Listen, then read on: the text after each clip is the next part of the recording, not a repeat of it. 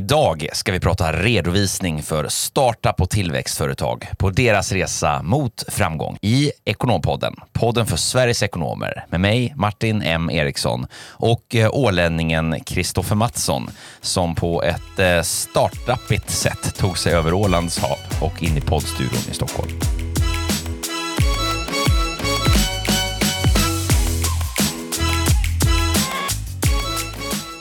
Ja, nu är vi tillbaka i studion. Martin, du ser brunbränd och fin ut här efter våra sommaravsnitt. Hur känns det? vad, har jag gjort för att förtjäna så mycket komplimanger som jag fått av dig på sistone? Ja, du ska inte vänja dig.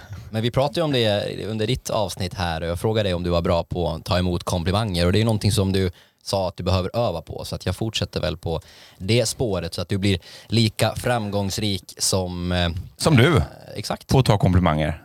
Så är det. Har du haft en bra sommar då eller har du bara legat i solstolen och solat dig? Nej, jag har haft en tacka som frågar. Väldigt, väldigt skön sommar. Mycket i Sverige, vilket har varit fantastiskt. Och en eh, bra kombo av eh, segling, eh, havskrakspaddling, eh, trevliga vinkvällar, mycket grillning, matlagning, eh, återhämtning. Och Nej, eh, superbra. sommaren är inte över heller och sen har vi en fantastisk höst att se fram emot. Så att, eh, ja. Hur har din varit? Du ser lite salt ut i håret. ja, det är saltvattenspray den här gången också. Har du inte badat på västkusten? Eh, Jag har badat några eh, gånger i sommar och vi var även i Kroatien här och firade min födelsedag och då badade jag, fick jag möjligheten att bada i väldigt blått och kristallklart vatten när vi var eh, i Split. Så det var fantastiskt eh, trevligt. Det känns som att vi behöver göra om den här västkusttrippen som vi gjorde för ett par år sedan du och jag. Mm. Det var ju vid precis den här tidpunkten för exakt två år sedan. När vi var gjorde din västkustpremiär eh, med Göteborg och Köpenhamn. Precis, och nu har jag blivit en riktigt västkustson. Midsommarfirandet var faktiskt nere i, eh, i Smögen i år, precis som, som eh, din, ditt firande. Jajamän, men det var länge sedan nu. Så är det. Men det var en bra sommar. Ja, vi men ser fram var- emot en rakethöst här med mycket kul som händer. Och, Så jag ska eh, se hur lång tid det tar innan du börjar prata om din, din skidåkning. Ja, det är snart, vet du vad? Det är snart dags alltså. Ja. Jag är så taggad. Jag är ju taggad året runt. Det är ju en fantastisk känsla. Så att eh, alla säsonger har sin charm. Eh, jag brukar säga att sommarsäsongen har dubbelskärm för då längtar man efter skidåkningen och njuter av sommaren. Ja, Martin Lycka. M Eriksson, mannen som är bra på både metaforer och klyschor. Men eh, när vi ändå sitter här och pratar skit tänkte jag säga, men vi vill också slå ett slag för eh, Ekonomi och företagsmässan som går av stapeln 27-28 september där du och jag Martin kommer att eh, moderera två stycken föreläsningar. Det ska bli jäkligt kul. Du, väldigt, väldigt roligt. Vi är ju inbjudna i år av Ekonomi och företagsmässan. Vi var ju där förra året och gästspelade lite grann tillsammans med en partner till oss och i år så är vi inbjudna och kommer att hålla två stycken föreläsningar och eh, paneldiskussioner kan man säga. Ett Precis. på tema ledarskap i, i föränderliga tider och ett på temat eh, lite fördjupning med eh, Carl Stiller som ju var här i poddstudion och oss. Så eh, nej, men det, det ser vi fullt fram emot. Ja, precis. Så vi kommer ha lite spännande gäster på temat också, förändringsledning och, och lite så här hur man kan navigera i kris och eh, så. Men där kommer vi inte kunna släppa alla detaljer riktigt ännu. Men det kommer komma anmälningslänkar också för den som är nyfiken, så att det lovar vi återkomma med. Precis, det är två stycken riktigt fullspäckade dagar, spännande seminarier, föreläsningar och massa, massa intressanta framtidsinriktade företag på Ekonomi och företagsmässan. Så att 27 och 28 september, lägg detta i kalendern och det går ju eh, alltifrån att komma förbi en liten stund till att hänga där i två hela dagar. Så är det. Och vi kommer även ha en monter där när ni får träffa oss och eh, ja, kommer ha lite spännande aktiviteter. Men på tal om förändringsledning så har vi ju faktiskt idag äran att ha en gäst i studion och vi kommer prata, kanske inte exakt förändringsledning, men vi kommer prata om eh, föränderliga bolag, nämligen bolag som ja, men kanske står på startup-scenen eller har en kraftig tillväxtagenda, kanske både bakom och framför sig. Och det är ju så att hur föränderliga bolag än är så behöver de eh, följa lagen. Eh, de behöver se till att säkerställa att eh, redovisningar är rätt och riktig och att eh, skatter betalas i tid. Så är det, ingen undgår bokföringslagen. Med det sagt så vill vi välkomna Therese Pilspets från en av våra samarbetspartners Greenstep. Och Therese leder deras redovisnings och lönefunktion i Stockholm. Och vi är fantastiskt glada att ha dig här i studion och prata lite ja, men redovisning och hur ni stöttar era kunder som ja, men nästan uteslutande är då i den här scenen på startup och tillväxtscenen. Kul att vara här. Välkommen, hur Varmt känns det välkommen. att vara i studion? Jag förstår att det här är premiären för dig i poddstudion. Det stämmer. Ja. Det känns bra. Jag tänker så här, eh, vad behöver vi veta om, om dig Therese om du skulle liksom vilja dra din, jag brukar säga hisspitchen, men röda tråden om det här hade varit en anställningsintervju. För det man inte Therese. vet är ju att du är gammal mjölkbonde. Precis. Ja, det var så allt började. Jag blir nyfiken, berätta mer. Allt började med att eh, jag helt enkelt drev ett eh, eget eh, företag tillsammans med en av mina bröder. Vilket såklart är jättekul, för det är kul att driva företag och få vara med och påverka. Men sen så hände det klassiska som man hör på många håll. Jag träffade helt enkelt min man som då inte riktigt var flyttbar utan då fick jag helt enkelt välja. Bro, brorsan eller mannen? Precis. Ko- Kom han och red in då på, inte en vit häst, utan en, en vit mjölkko? Nej, inte riktigt. Inte riktigt Det hade ju varit något. va? Ja, han kom på en momsdeklaration. Nej, nu tar vi över din, din story här, men det blev eh, mannen här och kärleken som Precis. Eh, drog det längsta strået Mm. då i alla fall. Så blev det. Och det var ju frågan vilken väg i yrkeslivet man skulle ta istället. Och vad finns väl som faktiskt är roligare än siffror och ekonomi? Mm. För du gillade ju matte som barn. Precis. Det är ju tillväxtmatte du håller på med egentligen. Ni Ja, hjälper ju säga. på Greenstep eh, tillväxtföretag, startupbolag, bolag med ambitioner eller entreprenörer med ambitioner. Precis. Eh, och ni har ju själva väldigt fina och stora ambitioner. Vi har ju eh, på Talents of Sweden varit, varit partner med er eh, egentligen sedan ganska tidigt eh, på er svenska expansionsresa och hjälper er idag med, med tillväxt eh, inom, inom de områden som vi specialiserar inom. Vilket är jättekul. Så att det har varit några roliga år där ni gör mycket bra.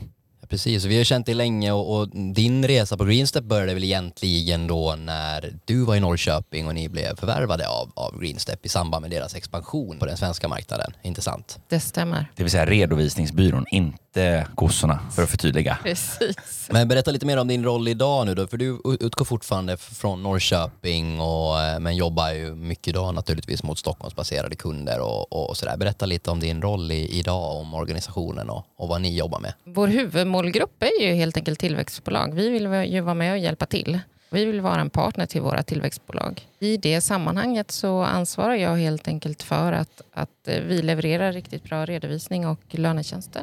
Det dagliga arbetet ser, kan ju se ganska olika ut eftersom vi just jobbar med tillväxtbolag. Mm. Så det, det är mycket lösningsfokuserat utefter vad som händer på den dagen. Men såklart finns det ju alltid en grundtanke med vart du är, du har ju ett mål, vart du ska på din resa, både för dig själv och för dina kunder såklart. Och där har ni, ni som bolag också ett antal olika tjänster i red- redovisning, lön, ni har ju CFO-tjänster och även då inom transaktion och skatt och, och även på, på analyssidan och HR och sådär. Så att ni, ni är ganska breda och på så sätt kan ju hjälpa tillväxtföretag i ett bredare scope. Men du är ju specialiserad på just siffrorna och, och redovisningen och det är det, som vi ser fram emot att verkligen djupdyka i idag utifrån ditt perspektiv och vad man kan se. Och vi kommer ju ta oss igenom här bara för att ge lite rubriker eh, idag kort så är det ju dels tillväxtresan, vi ska prata lite utmaningar och barriärer eh, som, som finns i olika stadier och vilka förberedelser som är viktiga inför en tillväxtresa, hur man kan jobba också med hållbarhetsperspektivet och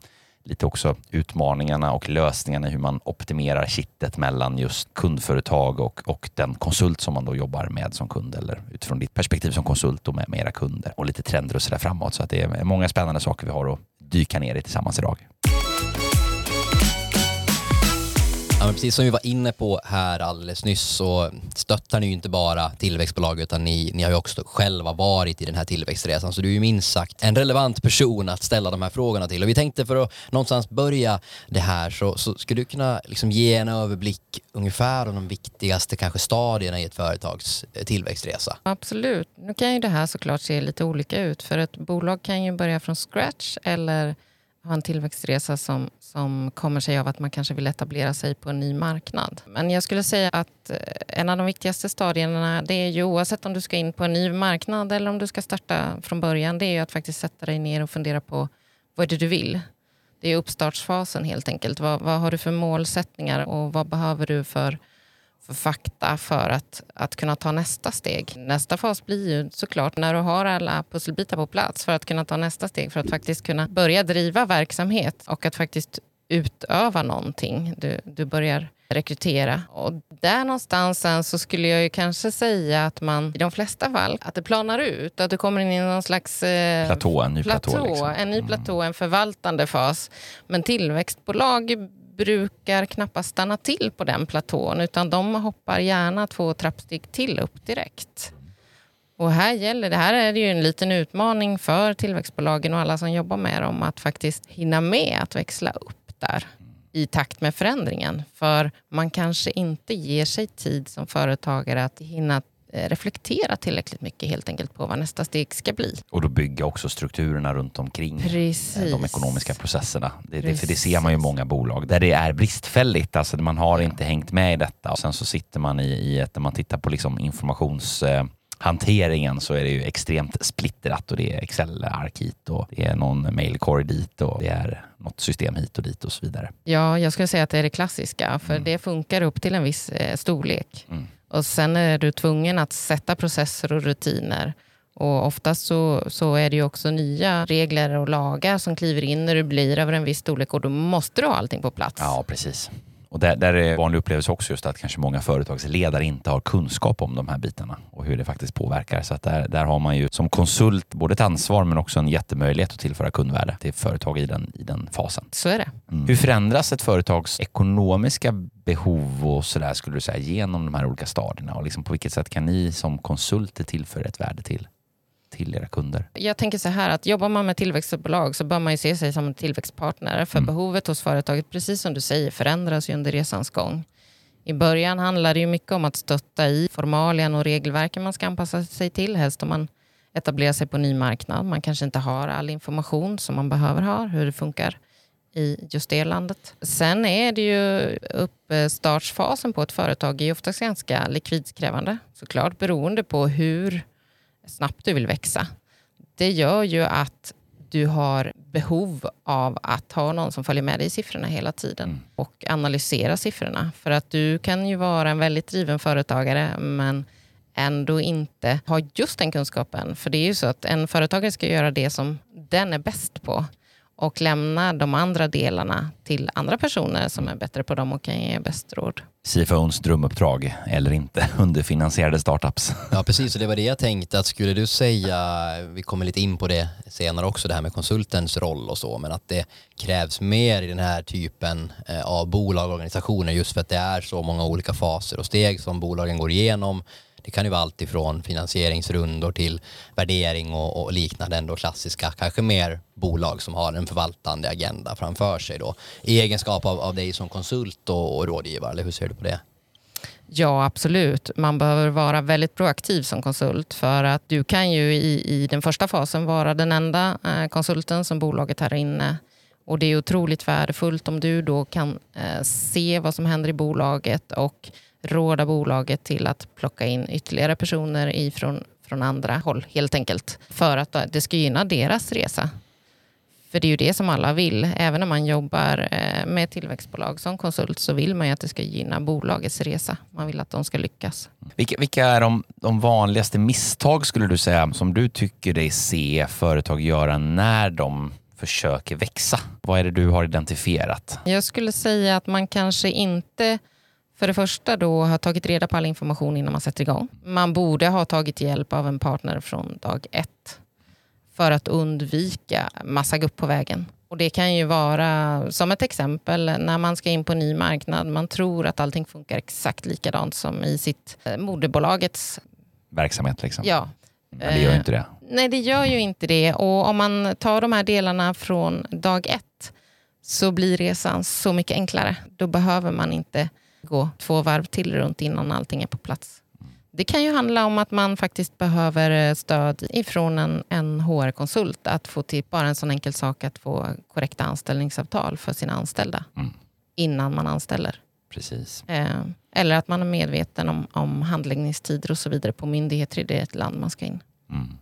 Ja, precis. Och det, och det, jag tänker, det behöver inte ens vara eh, andra länder. Det kan vara bara, bara geografiska skillnader. Man tittar på marknadsförutsättningarna till exempel på, hur, på olika orter och sådär, så, så kan det se väldigt olika ut. Och det är ju lite unikt ska jag säga, för det är ju inte kanske den, den hjälp som man normalt sett förväntar sig från sin redovisningsbyrå klassiskt. Då. Ni, ni pratar ju om tillväxtpartner mycket och det är väl en lite så generell just spaning som man kan se då om man, man tittar utifrån ett kundperspektiv. Att, men, välj, välj partner utifrån den den identitet företaget har, eller liksom den kostym bolaget jobbar i. Liksom. Att är vi tillväxt, då behöver vi ha en skräddare som hela tiden hjälper oss att sy om det här och, och, och sajsar om det. Och är vi ett förvaltande bolag så kanske man har lite andra förväntansbilder på, på en leverantör och kan gå mer, mer på pris kanske och, och mer effektivitet och sådär och titta på det på ett annat sätt. Så att olika företag är ju i olika faser verkligen, minst sagt. Då.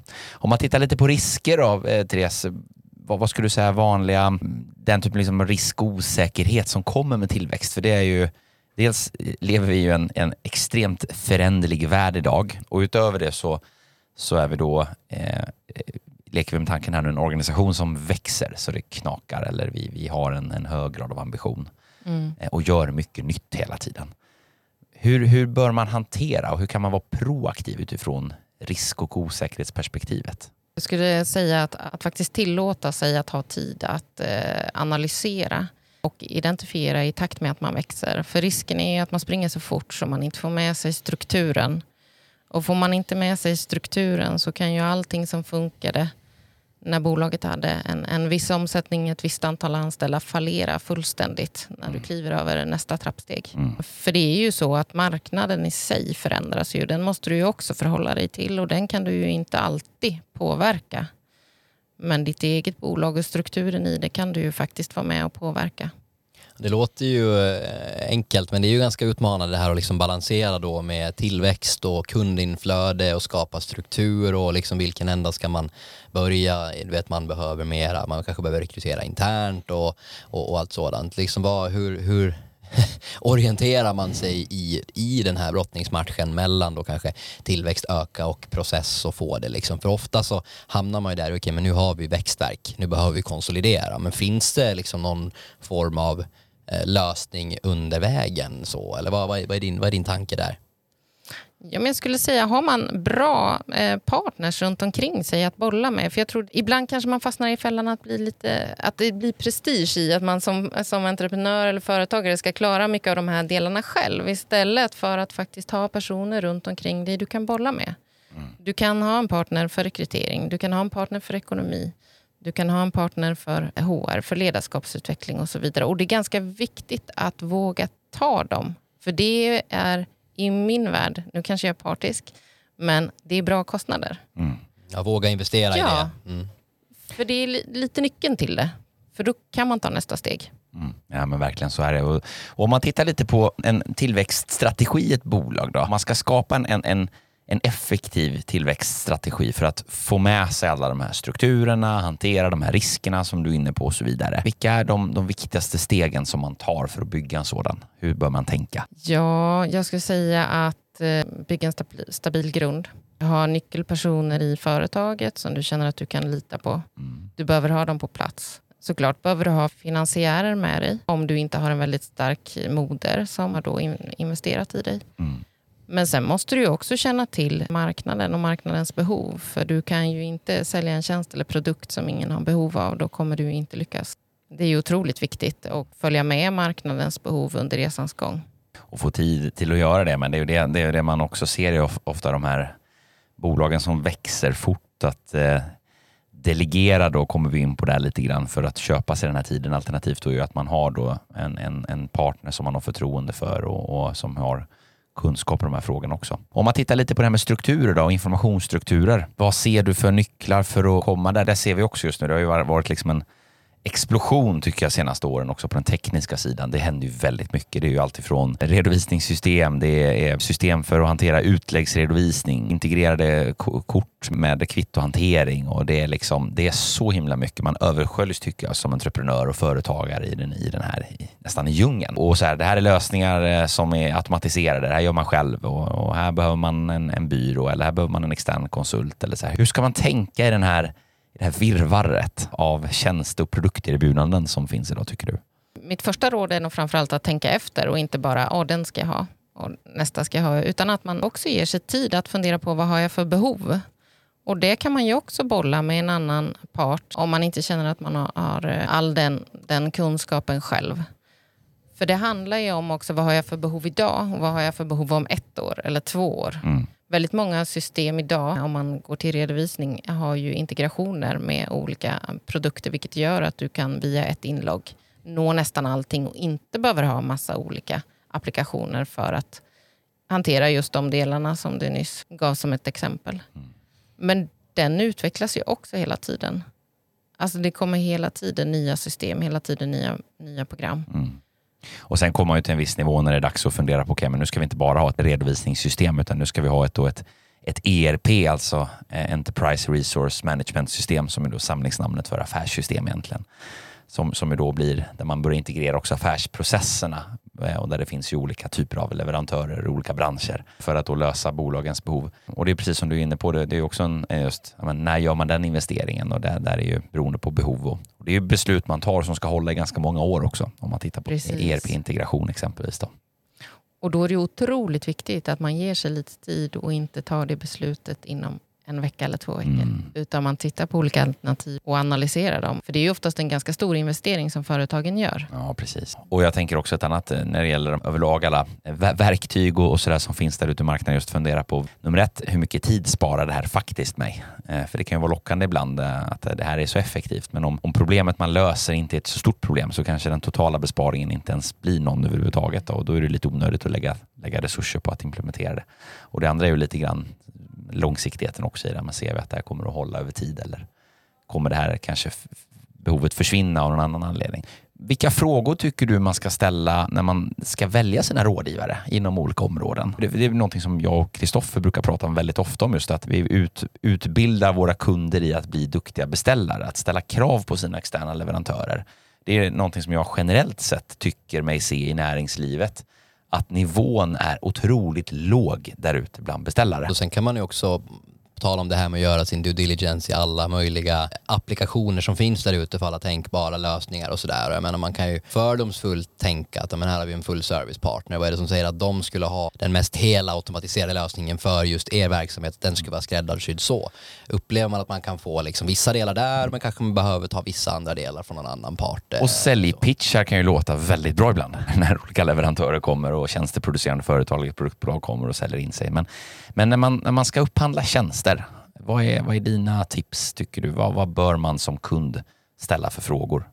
För det första så bör man ju analysera sina behov, tänker jag. För oftast där så blir det ju ett litet, kan det ju bli ett missförstånd mellan beställaren och säljaren. Vilket gör att man kan få felaktig information ifrån säljaren, eller felaktig information, men, men en annan information än, än vad man faktiskt behöver som underlag för att göra beslutet. Och Sen så tycker jag att det är otroligt viktigt att säljare och köpare möts. Och gärna inte bara en person ifrån varje organisation, utan att det är flera personer som potentiellt kan komma att samarbeta i framtiden. Som gör att man får en, en känsla för personen på andra sidan redan från början och också kan ställa frågor och följdfrågor direkt. För det gör att man kommer lite mer in på djupet. För du som beställare behöver ju vara ganska tydlig med vilka behov du har för att det ska bli rätt leverans. Och det, det kan ju vara en, en så enkel sak som att ja, vi, vi önskar bara hjälp med löpande bokföring. Och vad innebär löpande bokföring för dig? Är det att någon registrerar dina fakturor och betalar dina räkningar? Eller eh, har du som beställare i, i ordet löpande bokföring också med en, en väldigt kvalitativ månadsrapport? Det kan tolkas ganska olika om man inte får ställa följdfrågor. Jag tycker det är otroligt viktigt att faktiskt båda parterna i början tar sig tid att faktiskt ha den här dialogen. Så man kan utvärdera därefter. En så här generell fråga som jag brukar skicka med till många bolag. Så att ställ frågan, på vilket sätt kan ni hjälpa mig att identifiera mina behov och lösningar på dem? För ofta förstår de ju inte det här själva. Det är ju någonstans tjänsteleverantören som kanske oftast är proffset och experten på det här. Som kund förstår man kanske inte ens att det är en skillnad mellan, mellan just löpande bokföring och löpande bokföring till exempel. Nej. Och det här är ju jätteintressant, just finns det förutsättningar för oss att jobba med varandra, hitta ett partnerskap och liksom långsiktigt växa tillsammans. Och det vi brukar alltid skoja om det här internt, att det, det här obehagliga ordet förutsättningslöst möte, det, det, det, det tycker jag, det är aldrig förutsättningslöst. Sen kanske man inte alltid kommer till ett beslut om en affärsuppgörelse. Man behöver ju någonstans utreda om det finns förutsättningar och bilda sig en förståelse om hur man kan jobba tillsammans. Så att, använd inte förutsättningslöst möte. Ja, men spännande. Och, och, för att få det här att hålla lite över tid, där, hållbarhet är ju ett sånt där, eh, vissa kallar det modeord, andra kallar det överlevnad, eh, vilket är eh, jättehärligt tycker jag när man kallar det överlevnad, för jag tror att det är precis det det handlar om. När det kommer till att ta ansvar, du har ju en historik som ju kommer ifrån verkligen jorden om man uttrycker det så. Du har ju varit eh, lantbrukare och, och kommer från, från det och sen har jag sett liksom siffror in i det och där du är idag och jobbar på ett, på ett bolag som också jobbar mycket med, med hållbarhet och, och ansvarstagande. Hur, hur, tycker du att branschen, att konsultbranschen kan påverka att ta sitt ansvar?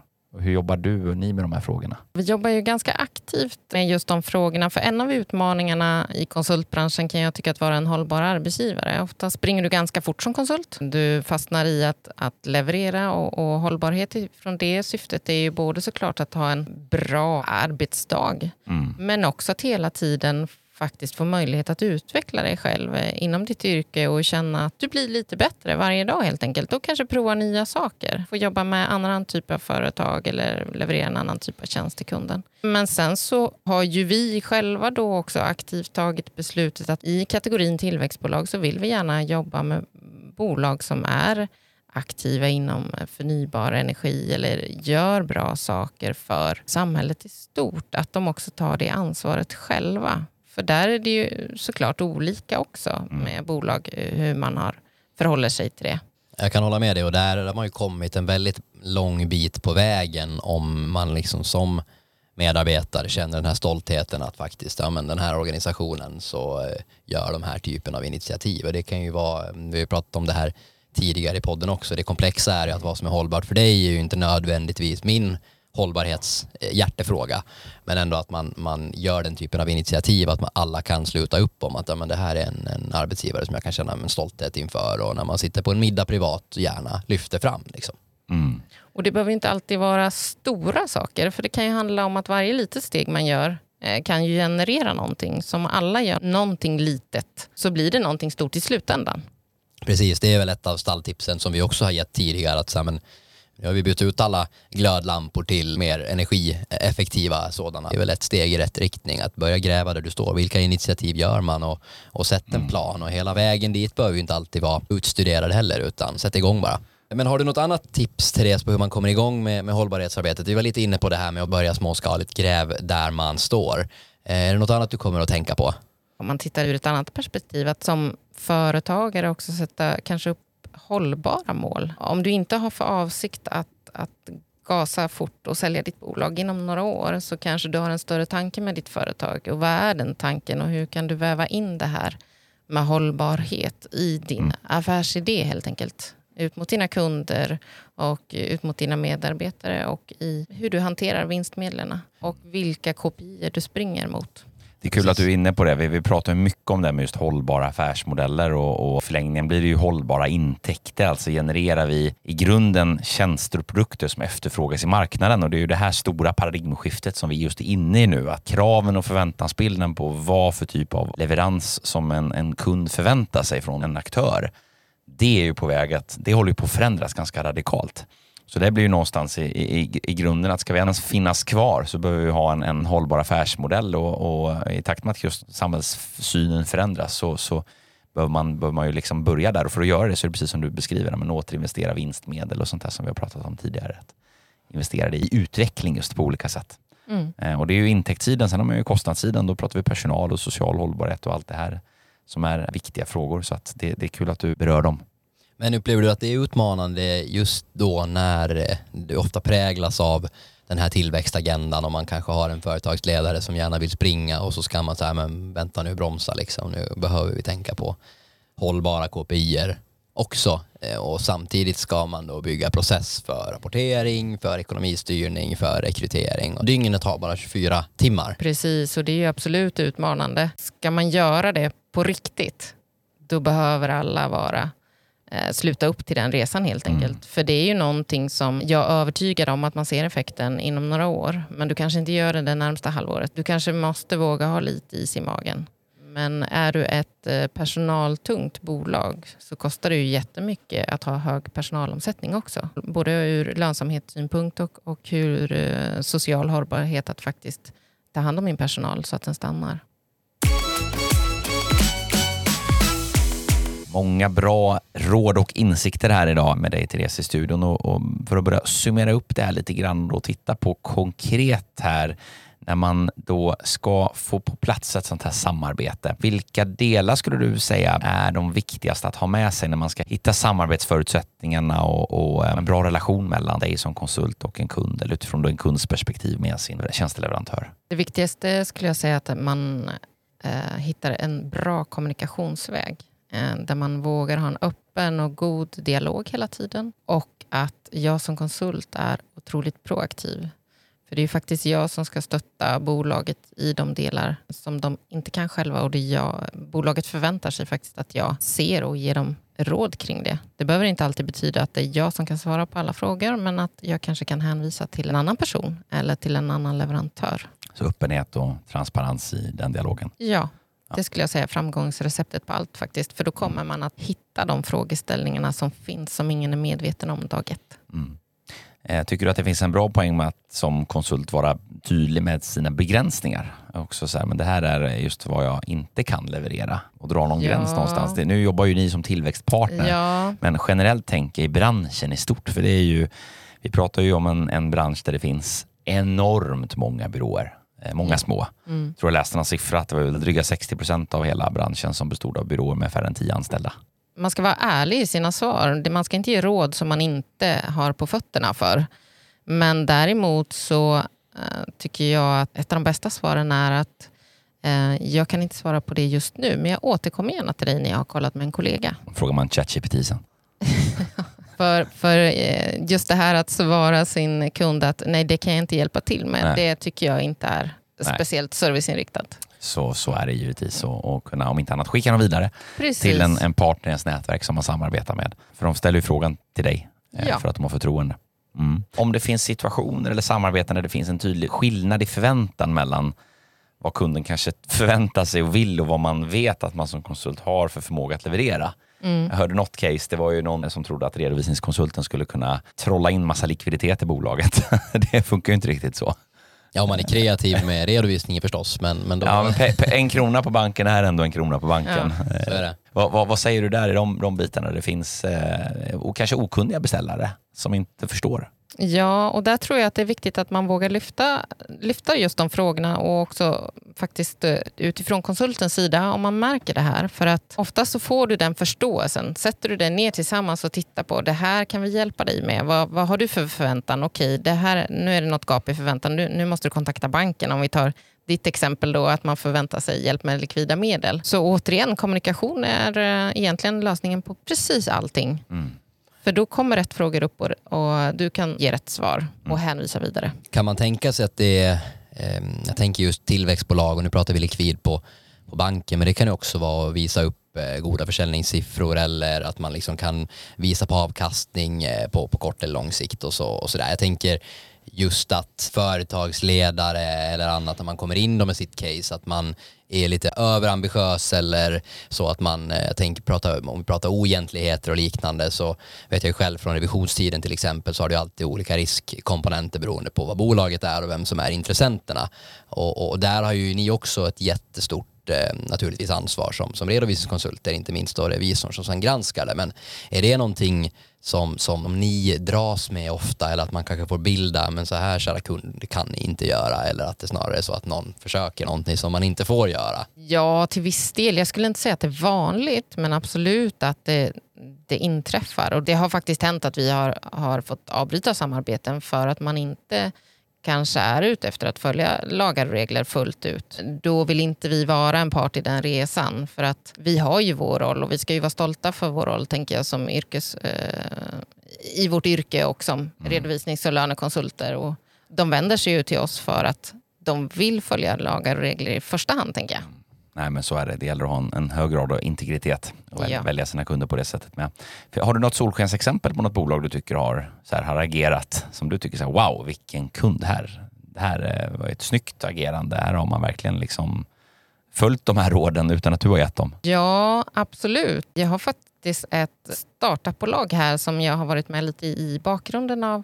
Eh, som kom in till oss och som, som nog hade en en eh, viss syn på hur det var att starta företag men som var väldigt öppna med att det här kan inte vi så vi behöver alla råd eh, vi kan få. Jag tycker de har lyssnat på råden de har fått och det har varit alltifrån vilka system de ska använda och, och med anställningsavtal, med att följa upp kopior och nyckeltal för att få, få verksamheten att öka och, och också att ha en väldigt tät dialog med sin redovisnings och lönekonsult för att inte hamna i några knasigheter under tillväxtresan helt enkelt. De var, de var själva proaktiva. De var proaktiva och de har proaktiva konsulter eh, också med sig i bakgrunden och tillsammans så blir ju det en liten framgångssaga då. Mm. Kommer en till klyscha här. Ett plus ett är lika med tre.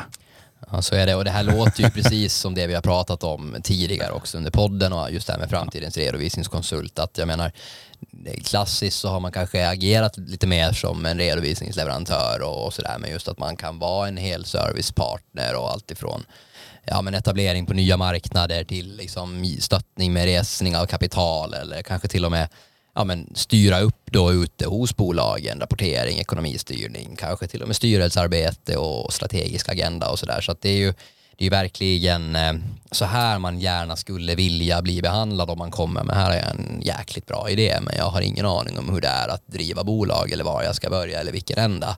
Hjälp mig Therese. Och det vet man ju också själv när man har vänt sig till sakkunniga inom olika områden. Eh, alltså tjänsteleverantörer och man får först värde eh, det bygger ju en otrolig relation och tillit också. Öppnar upp för, för en fin affärsrelation också framöver.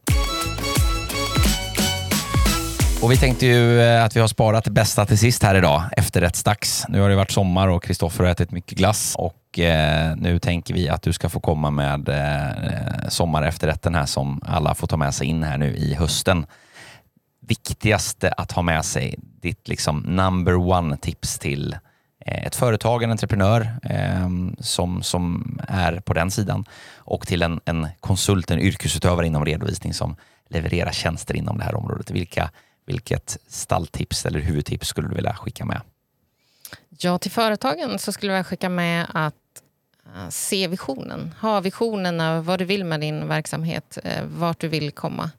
Uh, för har du visionen så kan du alltid få hjälp att sätta kartan och, och få kompassen för hur du tar dig dit. Mm. Men saknas visionen eh, så är det mycket svårare att, att eh, få de verktygen man behöver för att lyckas. Mm.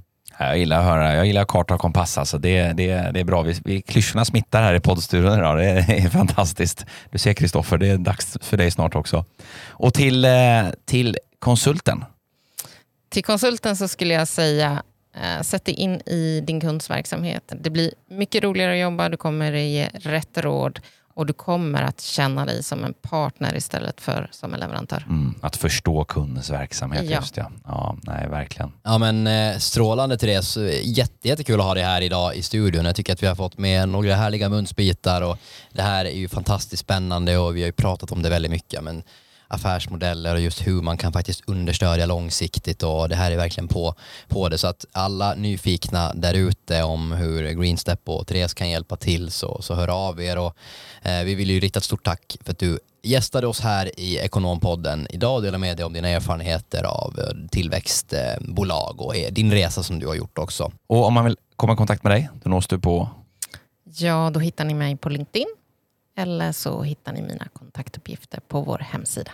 Härligt. Och vi finns också på LinkedIn och på vår hemsida, Kristoffer och Martin och vi hjälper ju till med att ja, vi hjälper också våra kunder och, och har väl lite samma take som vi har pratat om här idag. Vi vill vara en långsiktig partner och stödja deras utveckling på ekonomi och finansfunktionerna då med våra, våra tjänster inom rekrytering och eh, konsultlösningar. Mm. Och eh, podden finns ju också på LinkedIn och eh, Instagram så följ Ekonompodden på sociala medier för att hänga med på allt eh, kul och smaskigt som händer bakom kulisserna och för att inte heller missa ett enda eh, poddavsnitt. Ja men exakt och eh, tipsa era ekonomkompisar där ute att de också borde lyssna. Och sen så lägger ni in då i kalendern 27-28 september för den här mässan i Kista som vi kommer att hänga på så får ni prata med oss också.